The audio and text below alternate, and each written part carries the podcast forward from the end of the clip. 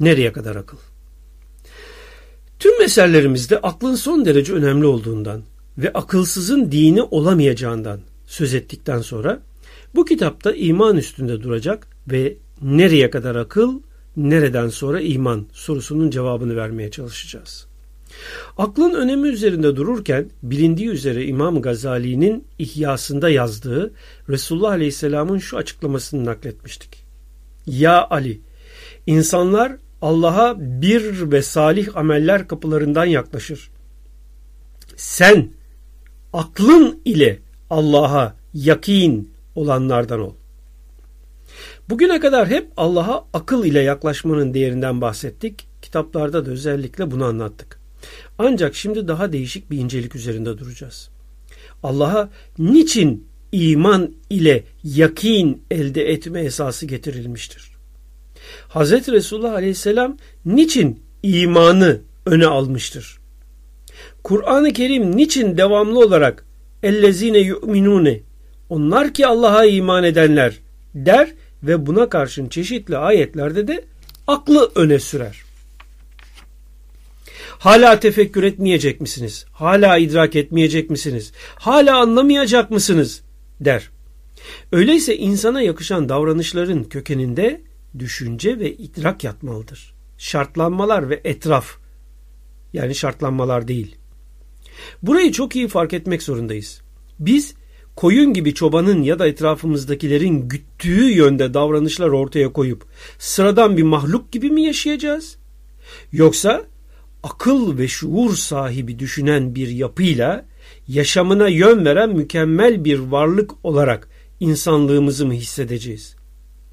Herkes böyle dediği, herkes böyle inandığı için ne olduğunu anlamadığımız, idrak etmediğimiz şeyleri kabullenerek öylesine bir hayat sürüp geçip gitmek bizi tatmin ediyorsa diyecek bir şey yok. Böylece süre gitsin yaşam. Ama ben bir insanım. Akıl sahibi olup düşünebilme kabiliyetine sahibim. Yaşamıma kendi kavrayışımla kendim yön verebilirim. Sürüye sayılmak için var olmadığım bilincine erdiysem bundan sonra yapılacak iş neye ne kadar ve nasıl inanacağıma karar vermektir. İnsan olarak en değerli varlığımız olan akıl ya kullanılır ve insan yaşamına idrakıyla yön verir ya da kullanılmaz, düşünmeden etrafa ve şartlanmalara tabi olunur. İnsan beynine bahşedilen ana zihinsel fonksiyonlar nelerdir? İnsan zihnindeki diğer doğmatik özellikler nelerdir? Önce bunların üzerinde duralım. İnsan dediğimiz varlıktaki bazı zihinsel fonksiyonları sayalım. Nefs, ben kavramı, akıl, fikir, hayal, idrak, kavrayış, vehim, varsayım, himmet ve hafıza yani bellek. Bu saydığımız zihinsel fonksiyonlar esas itibariyle iki ana kuvvetin etkisi altındadır.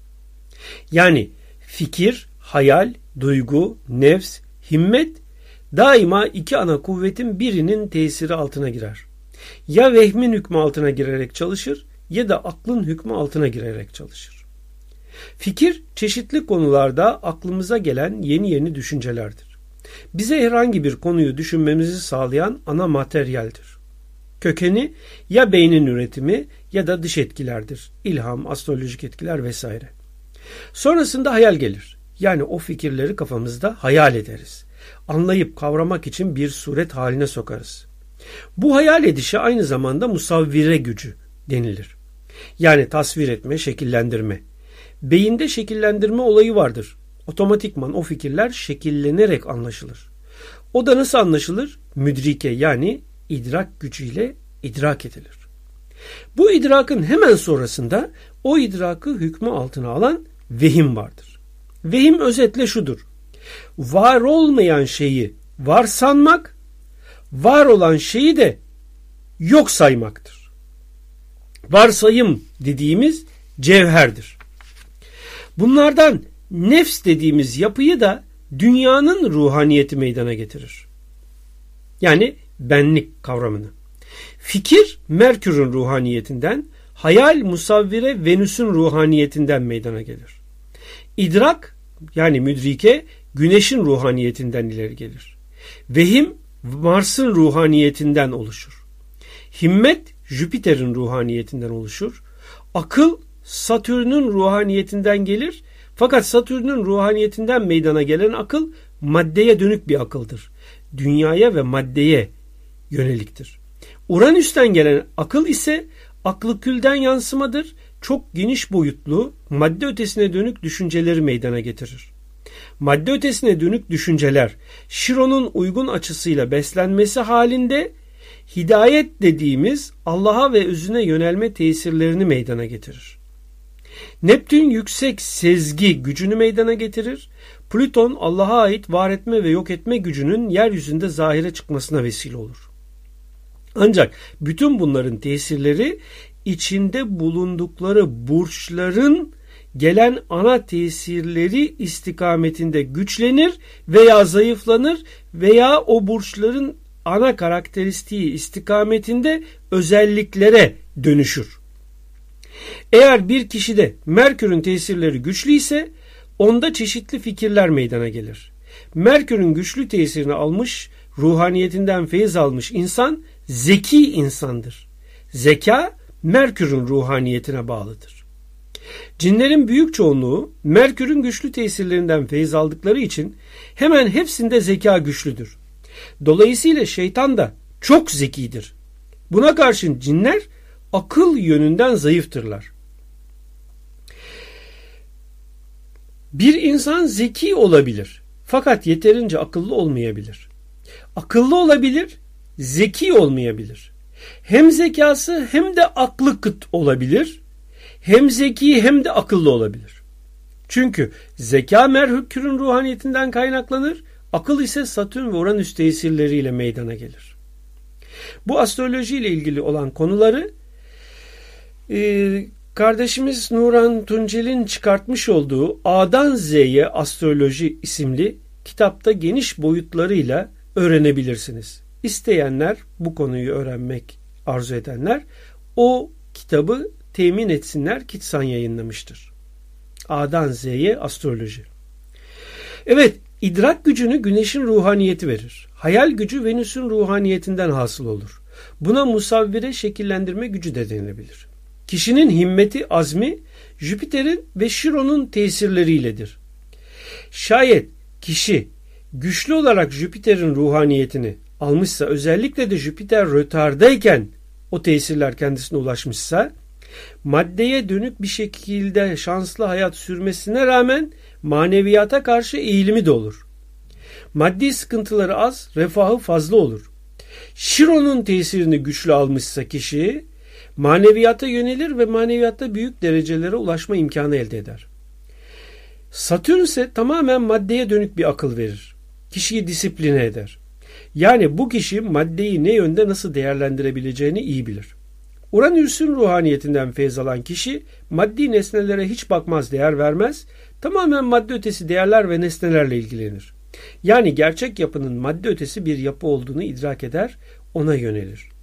Yani kişinin fıtratının oluşmasında yani kişinin ana programının oluşmasında işleyen bir mekanizmadır bu anlattığımız özellikler. Ancak madde ötesi yapıya yönelme eğer Şiron'dan destek almamışsa o kişi felsefeci olarak kalır. Eğer bu hal Şiron'dan desteklenmişse bu defa tasavvuf ehli velayet mertebelerinin sahibi olur. İcabında nübüvvet mertebesiyle zahir olur. Aradaki fark Şiron'dan desteklenen bir Uranüs ve Jüpiter veya Şiron'dan desteksiz kalmış bir Uranüs olur. Felsefeci ile tasavvuf ehli arasındaki fark Şiron farkıdır. Şiron, Güneş sistemi içinde yer alan ve son yıllarda tespit edilebilen bir gezegendir. Ancak şunu dikkatten kesinlikle kaçırmayalım. Allah bir kişinin maneviyat ehli olmasını takdir etmişse ona uygun tesirler altında dünyaya getirir. Ve mesela Şiron'un güçlü açılımı o kişiyi bu olaya hazırlar. Yani takdir Allah'ındır, yıldız ve planet etkileri ise takdiri oluşturan, meydana getiren mekanizmadır. Beyindeki bilincin yanında elin yeri ne ise Allah'ın takdiri ve hükmünün yanında planet ve yıldızların yeri de o el gibidir. Uranüs'ün etkisi güçlü olan yani yüksek akıl sahibi maddeye değer vermeyen kişi eğer Şiron'un ruhaniyetinden feyiz almamışsa felsefeci olarak kalır.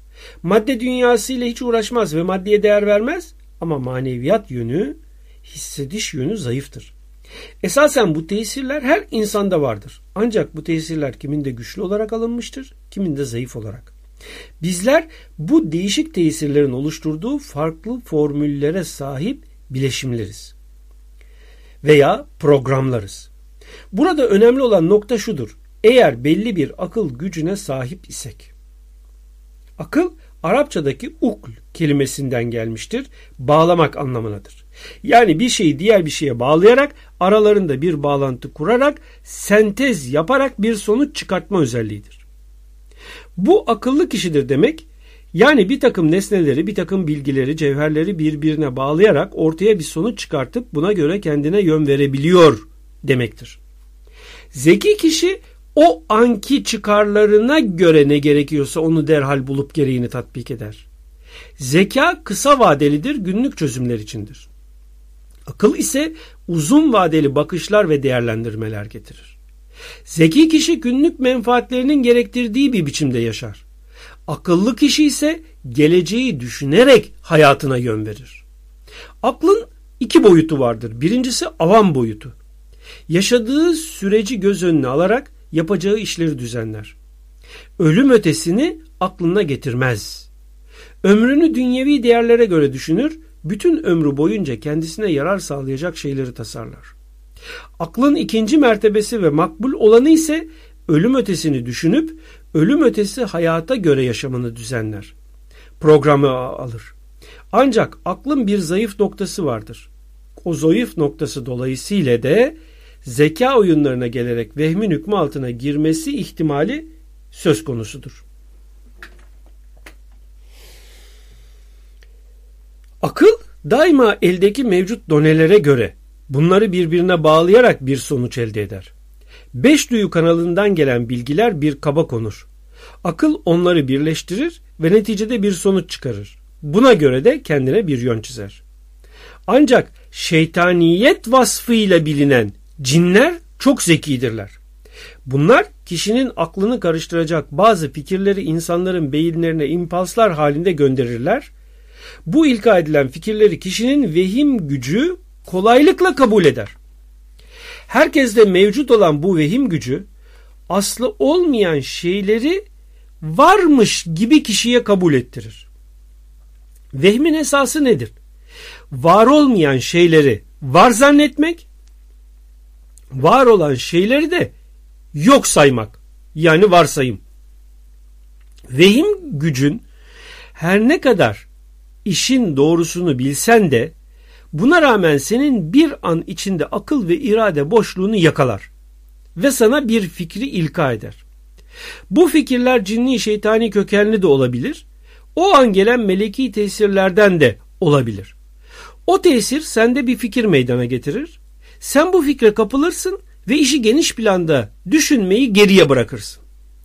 Oysa her gelen fikri geniş planda global olarak düşünüp sistemi düşünüp o sistem içindeki yerine oturttuktan sonra onaylaman gerekir.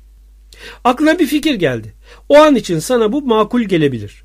Tamam bu güzel fikir ben bunu böyle yapayım dersin. O an için doğru gözükebilir.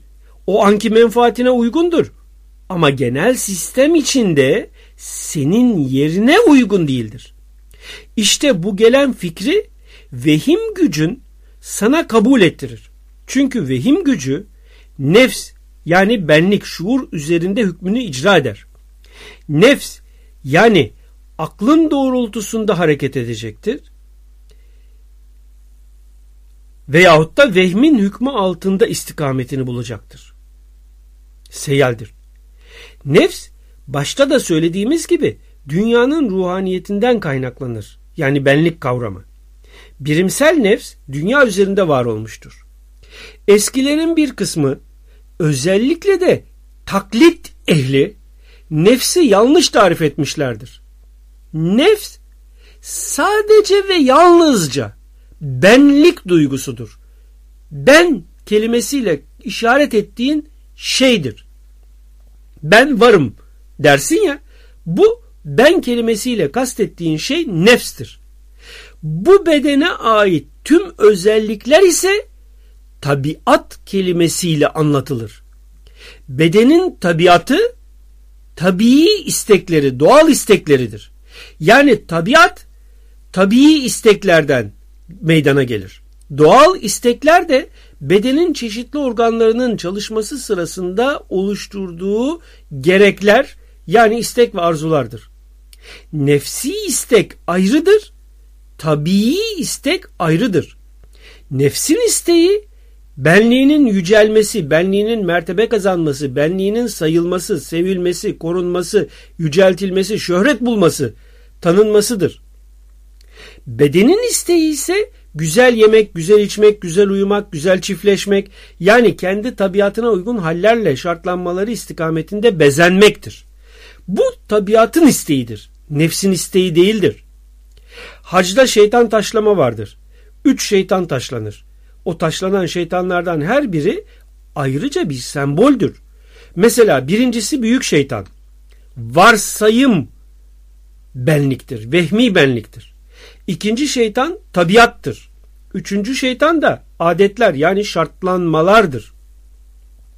Evliya Allah'tan Şah-ı Nakşibend der ki biz halkın adetlerini terk ettirmek için görevdeyiz. Peygamberler halkın adetlerinin yanlışlığını ispat için gelmişlerdir. Çünkü adetler insanı Allah'tan alakoyar, dünyaya ve maddeye yöneltir. İnsanın zihinsel oluşumunda üç ana girdisi vardır. Nefs, tabiat, şartlanmalar. Basit bir tabirle şöyle de açıklayabiliriz. Etraf ne der? Etrafı atmadıkça Allah'a yönelemezsiniz. Çünkü çevreniz kendini madde beden kabul edip bedene dönük zevkler ve arzular ve istekler içinde yaşayan kişilerle dolmuş. Kişideki vehim gücü nefsi etkileyerek onu yanlışa saptırır. Nefs neyin tesiri altındadır? Şartlanmaların tesiri altında. Sana sorduğum zaman sen kimsin? Sen dersin ki ben buyum. Yani bu bedenim. Halbuki sen bu beden değilsin. Senin kendini bu beden olarak kabul etmen bir, bedenin tabiatı içinde kendini tanımaya başlamandan. İki, etrafının, çevrenin seni bu yolda şartlandırmalarından ileri geliyor. Sen kendini bu bedenin tabiatı içinde hapis olarak buldun. Sonra da herkes sana sen busun, busun, bu bedensin demeye başladı. Böylece sen de ben bu bedenin fikri geldi, yerleşti, oturdu. Bu böylece oturduğu için bu defa vehim sende hükmünü icra ediyor. Vehim sende hükmünü nasıl icra ediyor? Nefsi tahrik ederek. Vehim neydi? Var olmayanı var göstermek ve var olanı da yok saydırmak. Gerçekte senin nefsinin benliği Rabbinin benliğidir. Senin kendine has, orijinal, özel bir benliğin yoktur. Kainatta var olan tek mutlak benlik Allah'ın benliğidir. Benlik Allah'a aittir. Senin ben demeye hakkın yoktur diyerek bunu halk içinde basite indirgemişlerdir. Yani bu varlığa ben kelimesiyle işaret ettiğin zaman o ben aslında senin nefsin değil nefsinin hakikati olan Rabbindir. O yüzden denmiştir ki nefsinin hakikatını bilen Rabbini bilir. Çünkü Rabbi bilmek nefsi bilmeye bağlıdır. Zira nefsin hakikati rububiyet mertebesinden gelir. Nefs rububiyet hakikatinden var olduğu için mutlaka aklettiğini yapmak ister. Nefs için iyi kötü diye bir ayrım yoktur. Çünkü aslı Rabbani hakikattir. Rab ise dilediğini yapar. Nefsin hakikati de Rab olduğu için nefs daima ne dilerse kendisine ne fikir gelirse onu hemen yapmak ister. Bunun için biz benliği kuvvetli deriz.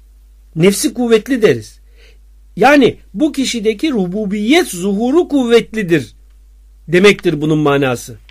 Yalnız rububiyetin oradaki zuhur şekli bu saydığımız iki yoldan biriyle olur. Ya vehim yollu olur ya akıl yollu olur. Vehim yollu olursa gelen fikre tabi olur.